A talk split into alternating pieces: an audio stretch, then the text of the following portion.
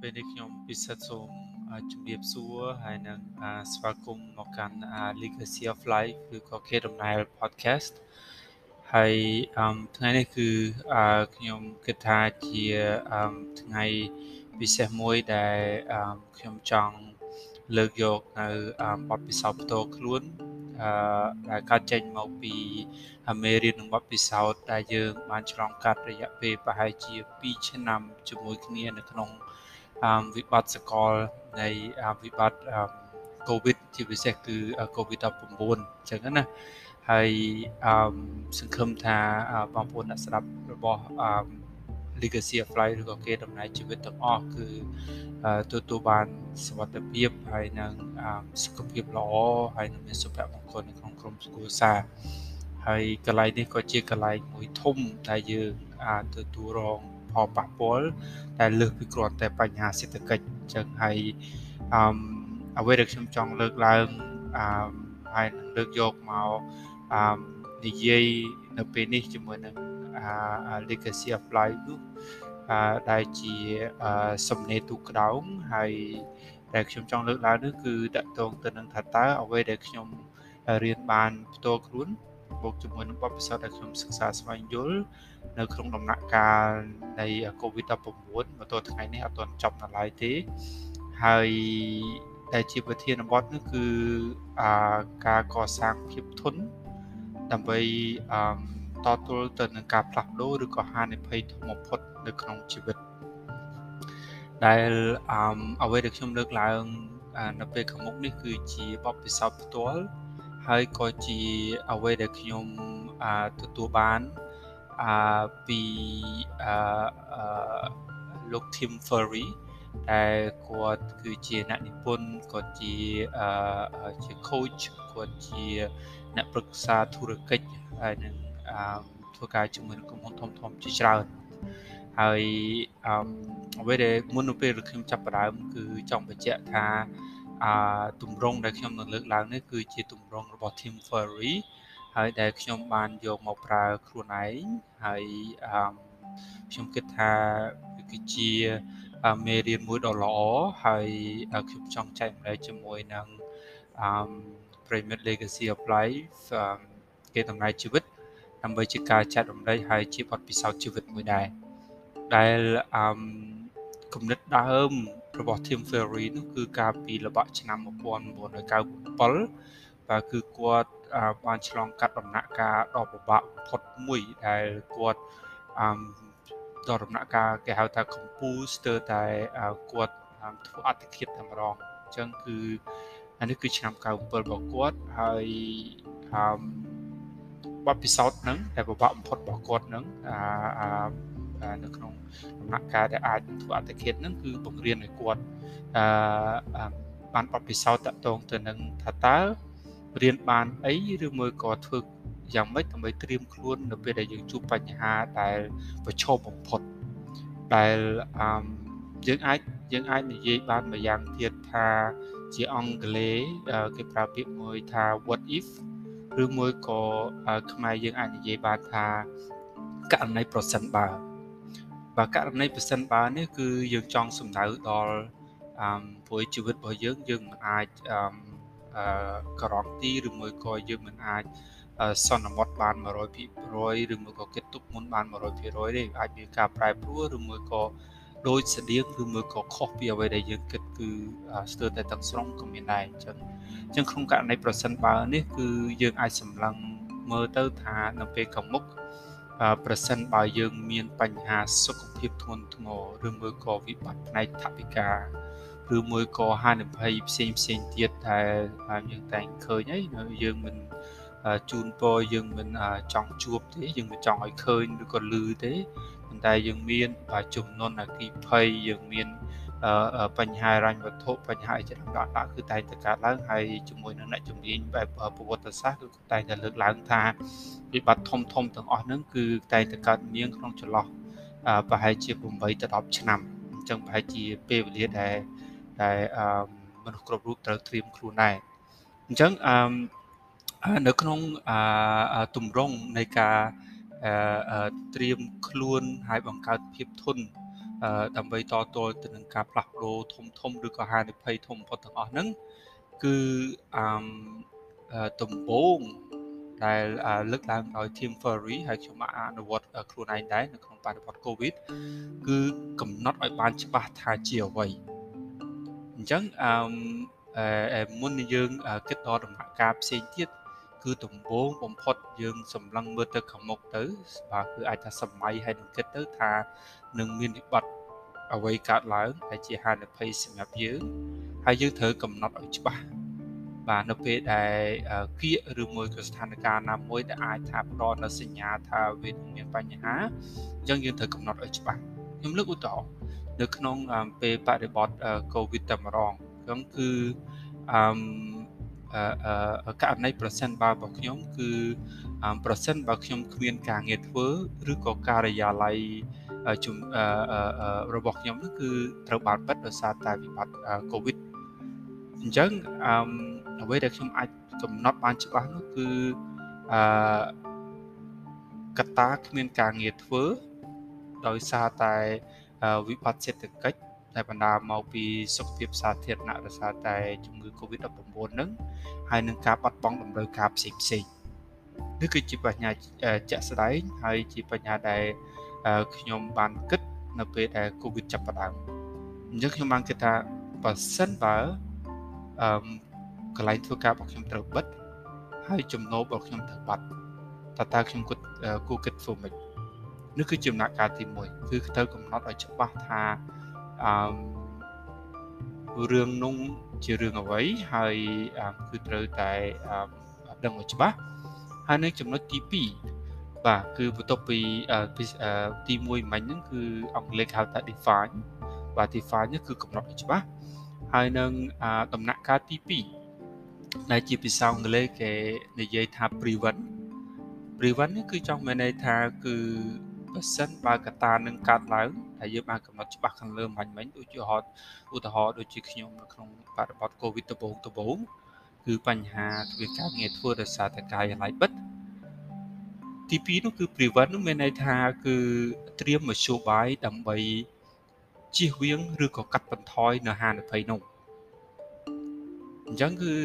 មានន័យថាប៉ះសិនបើរឿងនឹងកើតឡើងដូចអ្វីដែលយើងគិតឬក៏លើសពីអ្វីដែលយើងគិតមែន ថាតើយើងអាចមានវិធីអីដែលយើងមានពីឥឡូវទៅដើម្បីអឺកាត់បន្ថយឬក៏ទប់ស្កាត់នៅហានិភ័យទាំងនោះដើម្បីកុំឲ្យដល់កម្រិតមួយដែលធំបំផុតឬមួយក៏លំបាកបំផុតហើយឬមួយក៏យើងមិនអាចមានបានត្រៀមទុកមុនអញ្ចឹងអឺតាមអបិសោតរបស់ខ្ញុំនៅក្នុងបរិបទ COVID ពីព្រោះនេះយើងយក COVID ជាឧទាហរណ៍តែម្ដងហើយអឺ ជាផ្ទាល់ខ្លួនរបស់ខ្ញុំគឺយើងអាចអឺគិតដំបូងគេបំផុតគឺតម្រូវការបឋមឬក៏តម្រូវការចាំបាច់តែនៅក្នុងនោះគឺតកតងទៅនឹងជំរកឬក៏ទីសវត្ថភាពបញ្ហាសុខភាពបាទសុខភាពហ្នឹងគឺផ្លូវកាយផ្លូវចិត្តផ្លូវអារម្មណ៍អីហ្នឹងហើយត្រូវធានាថាគឺយើងបើយើងនិយាយឲ្យស្រួលស្ដាប់ទៅគឺមានខ្យល់ដកដង្ហើមបាទមានទឹកញ៉ាំមាន បាយឬក៏អាហារញ៉ាំជាដើមទោះបីជាមិនដូចមុនកូវីដមុនវិបត្តិក៏យ៉ាងហោចណាស់គឺយើងនៅមានបាយញ៉ាំបាទបើយើងនិយាយបើស្រួលមែនតើទៅគឺនៅពេលនោះខ្ញុំបានគិតថាយ៉ាងហោចណាស់ក៏មានអឺលុយឬក៏ថវិកាទិញពងទាពងមន់ញ៉ាំដែរបាទគឺនឹងគឺយើងត្រូវគិតជាកត្តាបឋមឬក៏ចាំបាច់ហើយមួយវិញទៀតគឺអឺកំណត់ឲ្យបានច្បាស់នៅតម្រូវការមូលដ្ឋាន ឬក៏គេហៅថាតម្រូវការចាំបាច់ដើម្បីរស់រានមានជីវិតបាទនេះគឺជាចំណុចសំខាន់ដែរហើយអឺតែអឺជាទូទៅអ្នកសេដ្ឋកិច្ចគេតែតែ recommend តកតងទៅនឹងអឺជីវិតប្រចាំថ្ងៃត្រូវប្រើវិធីសាស្ត្រ50 30 20បាទវិធីសាស្ត្រ50 30 20នេះមានន័យថាបើសិនបើយើងមានចំណូលនិយាយជាដុល្លារចុះដើម្បីស្រួលគិត គឺ100ដុល្លារហើយនៅក្នុង100ដុល្លារហ្នឹង50មានន័យថាគឺយើងត្រូវចាយទៅលើករណីចាំបាច់បាទគឺតម្រូវការចាំបាច់ដែលខ្ញុំបានលើកឡើងដូចជាតម្រូវការបឋមតម្រូវការអីហ្នឹងគឺ50%នៃ100គឺ50ដុល្លារហើយនៅករណីដែលមិនចាំបាច់ប៉ុន្តែសំខាន់ដែរគឺអឺសំខាន់គួរសម គឺ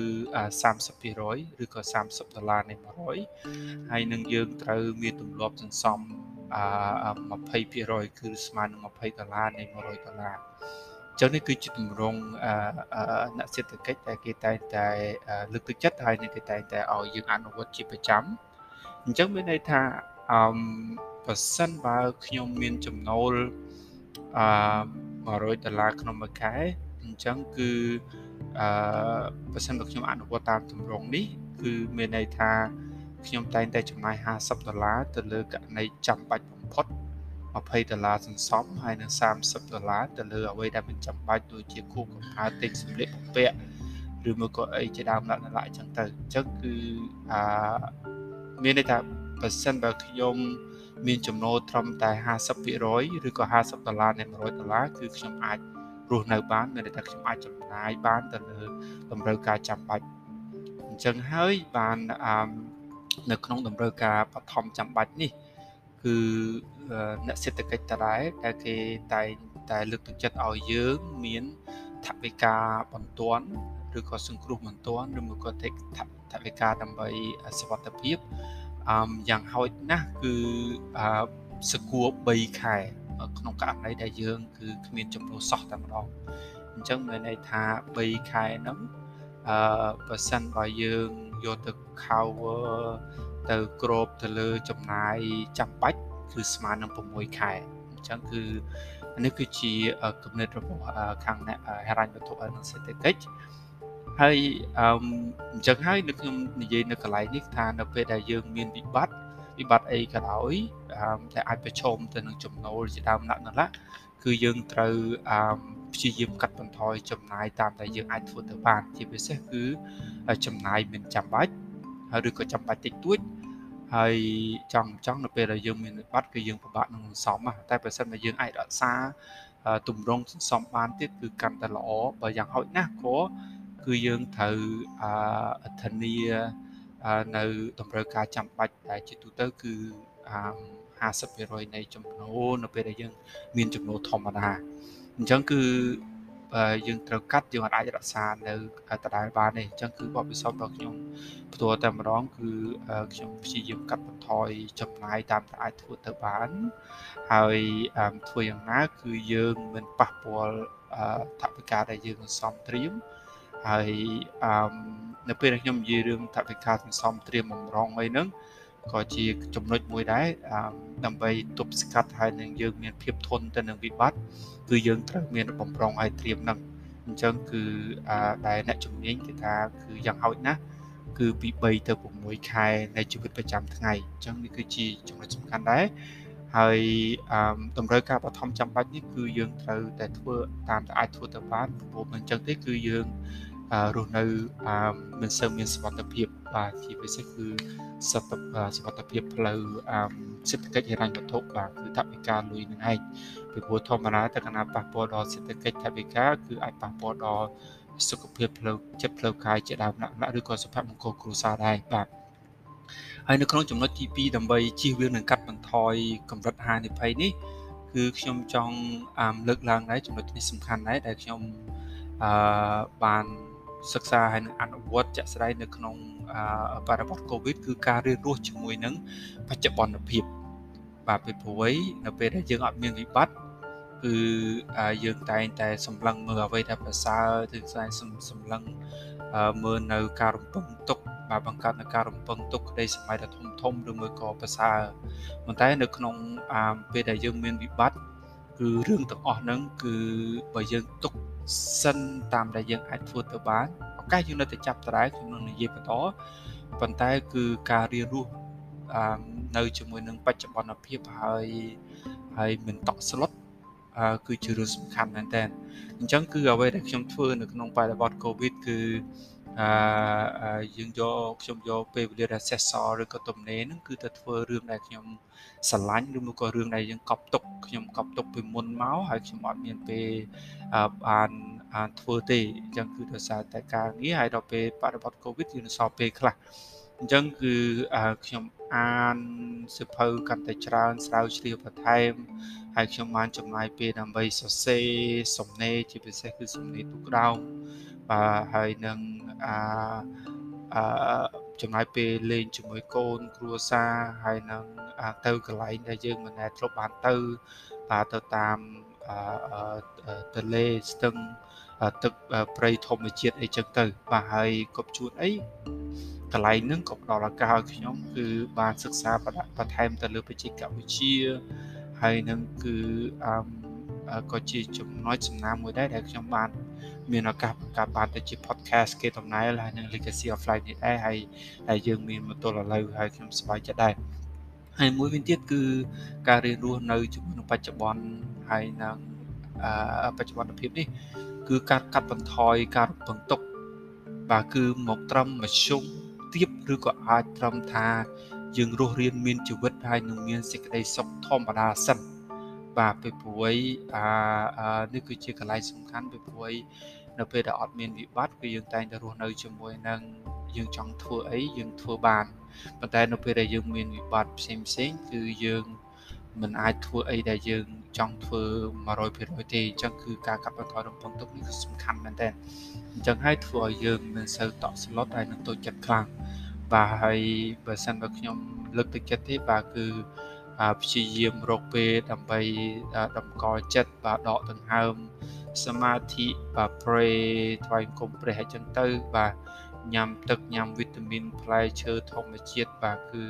យ៉ាងហោចណាស់ឲ្យមានម្ហូបអាហារញ៉ាំបានគ្រាន់តែមកសំរុំទៅ បាទមិនជាហឺហាពេកគឺខ្ញុំគិតថាវាជារឿងមួយល្អដែរហើយ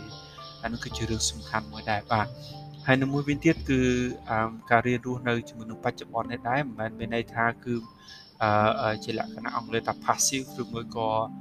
មានអីធ្វើនឹងឬមួយក៏រងចាំដោយអត់បង្កើតទង្វើអីទេគឺ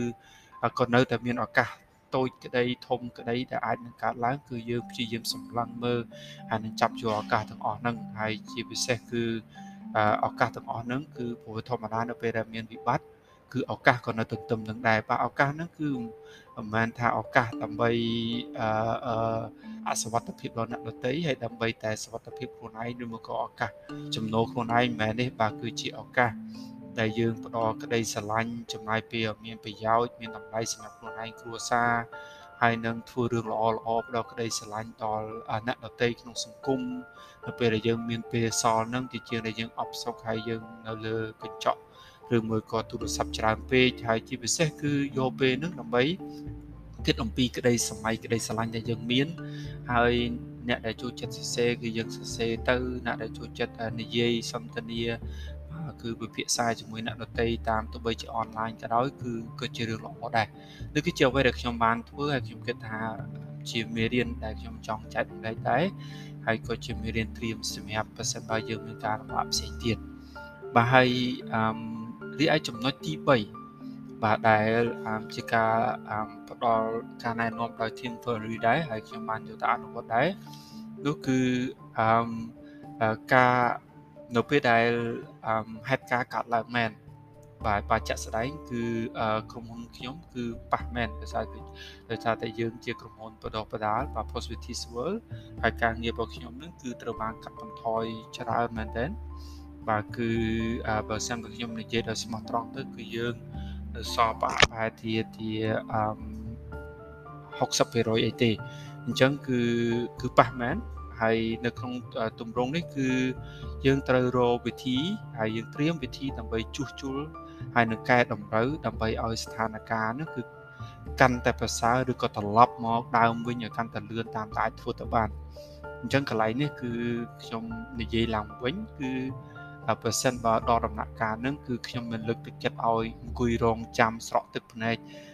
ដោយហេតុការណ៍កើតឡើងហើយទេបាទគឺនៅតែរក្សាតដែរបើដង្ហើមនៅតែដកទឹកនៅតែញ៉ាំបាទបាយនៅតែញ៉ាំតដែរបាទហើយគ្រួសារគឺយើងនៅតែរក្សាតដែរប៉ុន្តែគឺអឺយើងត្រូវតែធ្វើអ្វីមួយយ៉ាងពីព្រោះយើងអាចអង្គុយរងចាំបានទេបាទអង្គុយអឺអង្គុយរងចាំមិនមែនជាជំរឿល្អទេអញ្ចឹងធ្វើអ្វីមួយយ៉ាងនោះគឺយើងអាចអឺហើយយើងអាចរិះរកអឺមនុស្សថ្មី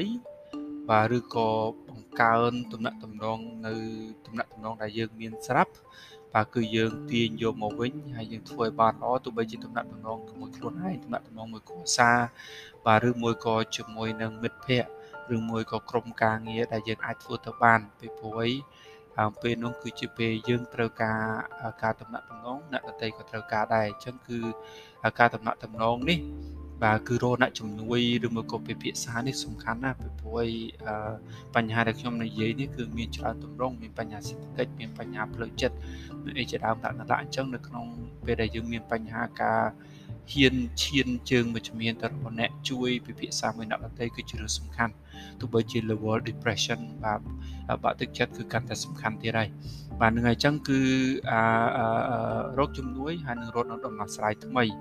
បាទហើយនឹងមួយវិញទៀតគឺឆ្នៃពេលវេលា បាទគឺព្រោះនៅពេលដែលយើងមានវិបត្តិអឺភាកច្រើន គឺយើងមានពេលច្រើនសម្រាប់ខ្លួនឯងអញ្ចឹងយកពេលវេលាដែលមានតាំងអបាមានបាទធ្វើការស្រាវជ្រាវ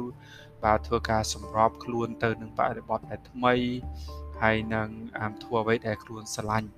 បាទហើយកូវីដគឺបច្ចេកវិទ្យាគឺជានិន្នាការមួយដែលយើងត្រូវអឺចាប់យកហើយនឹងយើងរៀនបន្ថែមចំពោះខ្ញុំគឺអឺសារតែ COVID នឹងហើយធ្វើខ្ញុំគឺសិក្សាបន្ថែមហើយបង្កើតបានទៅជា podcast Legacy of Life ហើយនឹង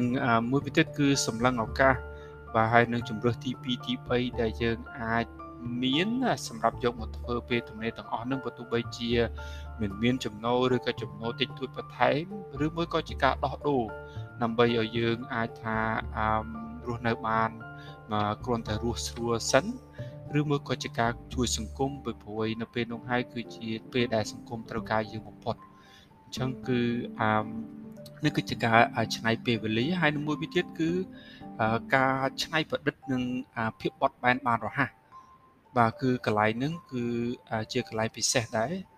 នៅពេលដែលវិបត្តិកើតឡើងគឺបត់ឲ្យបានលឿនហើយបត់មុននឹងបត់ហ្នឹងគឺយើងត្រូវមានផែនការដែរបាទគឺហើយជាពិសេសទម្លាប់មានផែនការលើសពីមួយបាទគឺទាំងផែនការទៅលើប្រភពចំណូល បាទហើយនឹងវិធីសាស្ត្របង្វែរប្រភពចំណូលបាទគឺទាំងសន្សំទាំងអីទាំងអស់ហ្នឹងហើយនឹងបាទគឺកែប្រែបំលែងអីទាំងអស់ហ្នឹងទៅ ដើម្បីឲ្យយើងអាចថាមានជំរឿសហើយនឹងយើងគេហៅថាគឺអាងយើងគឺមិនខ្សោះទឹកទេបាទហើយនឹងមួយវិញទៀតគឺអឺចុងក្រោយនោះគឺការទម្លាប់ បង្កើតឲ្យមានគំនិតថ្មីថ្មីពីព្រោះខ្ញុំគិតថាអ្នកដែលឧស្សាហ៍មានផែនការហើយនឹងមានគំនិតថ្មីថ្មីហើយធ្វើអ្វីដែលថ្មីហើយស៊ាំទៅនឹងការផ្លាស់ប្ដូរគឺកន្លែងហ្នឹងគឺជាកត្តាមួយសំខាន់អឺសម្រាប់អ្នកដែលអាចមានភាពស៊ាំភាពធន់ហើយនឹងអាចអឺងើបឈរហើយឬក៏តទល់ទៅនឹងវិបត្តិធំធំបានអឺ ស្រួលបានលឿនហើយនឹងបានរហ័សពីព្រោះគាត់សុំនឹងការផ្លាស់ប្ដូរហើយនឹងគាត់សុំនឹងអឺនឹងកំហុសគាត់សុំនឹងអាសបាយមានសបាយអីទាំងអស់ហ្នឹងអញ្ចឹងអឺកន្លែងនេះគឺជាចំណុចចុងក្រោយដែលខ្ញុំចង់លើកឡើងអញ្ចឹងគឺខ្ញុំសង្រួមមកវិញបាទគឺអាបើទោះបីជាឥឡូវនេះគឺ COVID-19 មិនទាន់ចប់ ហើយអឺតិចទៀតគឺសង្ឃឹមថាយើងរួមទាំងអស់គ្នាហើយរក្សាសុខភាពទាំងអស់គ្នាហើយសង្ឃឹមថានឹងចប់ឆាប់ឆាប់ហើយទោះបីជា COVID-19 ចប់ក៏ដោយបាទគឺយើងនឹងអាចមានហេតុការណ៍នៅក្នុងជីវិតរបស់យើងបន្តទៅទៀត10ឆ្នាំ20ឆ្នាំក្រោយអញ្ចឹងគឺ complex ថាថាតើហេតុការណ៍ដែលនឹងអាចកើតឡើងជាហេតុការណ៍គេបាទដែលពាក្យអង់គ្លេសហៅថា define បាទគឺកំណត់ឲ្យច្បាស់ច្បាស់ហើយរកវិធីសាស្ត្រដើម្បីកាត់បន្ថយ ហើយនឹងបញ្ជាបញ្ជានៅហានិភ័យទាំងអស់នឹងឲ្យនៅតូចឬមួយក៏កុំឲ្យធ្ងន់ធ្ងរតាមដែលយើងអាចធ្វើទៅបានហើយបើសិនបើយើងជួបគឺយើងត្រូវរកវិធីសាស្ត្រជួសជុលបាទគឺបំលែងហើយនឹងត្រឡប់មកដើមវិញឲ្យបានលឿនតាមតែយើងធ្វើទៅបានតែក្នុងនោះគឺខ្ញុំបានលើកឡើងពីខាងដើមអញ្ចឹងគឺអឺសង្ឃឹមថាអ្វីដែលខ្ញុំលើកឡើងនេះគឺជាបទពិសោធន៍មួយ អាចថាល្អបើទោះបីជាមិនល្អឥឡូវឬមួយក៏សម្រាប់អ្នកស្ដាប់ខ្លះគឺគាត់គិតថាល្អឥឡូវក៏យកទៅប្រើហើយប្រសិនបើគិតថានឹងអាចយកទៅត្រៀមសម្រាប់ពេលក្រោយក៏ខ្ញុំសប្បាយចិត្តនឹងចែកម្លែកនៅពេលនេះហើយខ្ញុំលើកឡើងនេះគឺជាបទពិសោធន៍ផ្ទាល់ខ្លួនពីការសិក្សាដែលខ្ញុំបានពី Team Furry បូកជាមួយបទពិសោធន៍ចាក់ស្ដែងនៅក្នុង COVID ហើយខ្ញុំមិនដែលរំពឹងថាអ្វីគ្រប់យ៉ាងឥតខ្ចោះទេហើយអឺខ្ញុំក៏ចង់រៀនសូត្រពីអ្នកស្ដាប់ទាំងអស់គ្នាដែរដោយសារតែយើងប្រឈមជាមួយនឹង COVID ដូចគ្នារយៈពេល2ឆ្នាំកន្លងមកអញ្ចឹងបើសិនបើមានបទពិសោធន៍បច្ចេកទេសឬមកក៏ការសិក្សាអ្វីដែលប្រសើរឬក៏អនុវត្តជាក់ស្ដែងទម្លាប់ណាល្អជាពិសេសនៅក្នុងវិបត្តិគឺខ្ញុំសប្បាយចិត្តនឹងរៀនសូត្រពីអ្នកស្ដាប់ទាំងអស់ ហើយអាចចែកម្លែកបានបើសិនបើពេញចិត្តនឹងចែកម្លែកជាសារក៏បាន ជាសារសម្លេងមកខាង podcast ខ្ញុំក៏បានឬមួយក៏ជាសំណេរក៏បានបាទហើយខ្ញុំស្វាគមន៍ហើយខ្ញុំពេញចិត្តនឹងទទួលហើយក៏មានមតិស្ថាបនាគឺអាចស្ថាបនាបានហើយជូនពរដដែលឲ្យបងប្អូនទាំងអស់អ្នកស្ដាប់ទាំងអស់បាទទាំងជនរួមជាតិខ្មែរទាំងទូទាំងពិភពលោកទទួលបានតែសុខភាព ហើយនឹងសេចក្តីសុខសុខសប្បាយទាំងអស់គ្នាហើយទោះបីជាយើងមានរបត់គឺព្យាយាមរស់នៅនៅអ្វីដែលយើងប្រាថ្នាហើយប្រកបដោយក្តីស្រឡាញ់ទាំងអស់គ្នាសូមឲ្យក្តីស្រឡាញ់សេចក្តីប្រាថ្នាកើតមានចំពោះជនរួមជាតិហើយនិងបងប្អូនប្រជាជនទូទាំងពិភពលោកអឺហើយសង្ឃឹមទៅជួបជាមួយបងប្អូនយើងនៅឱកាសក្រោយទៀតអរគុណសម្រាប់ការស្ដាប់ហើយនឹងអរគុណសម្រាប់ការ តាមដានហើយនឹងការចូលរួមជាមួយនឹងកម្មវិធី podcast កន្លងកន្លងមកដែរអរគុណច្រើនជំរាបលាសុខសប្បាយ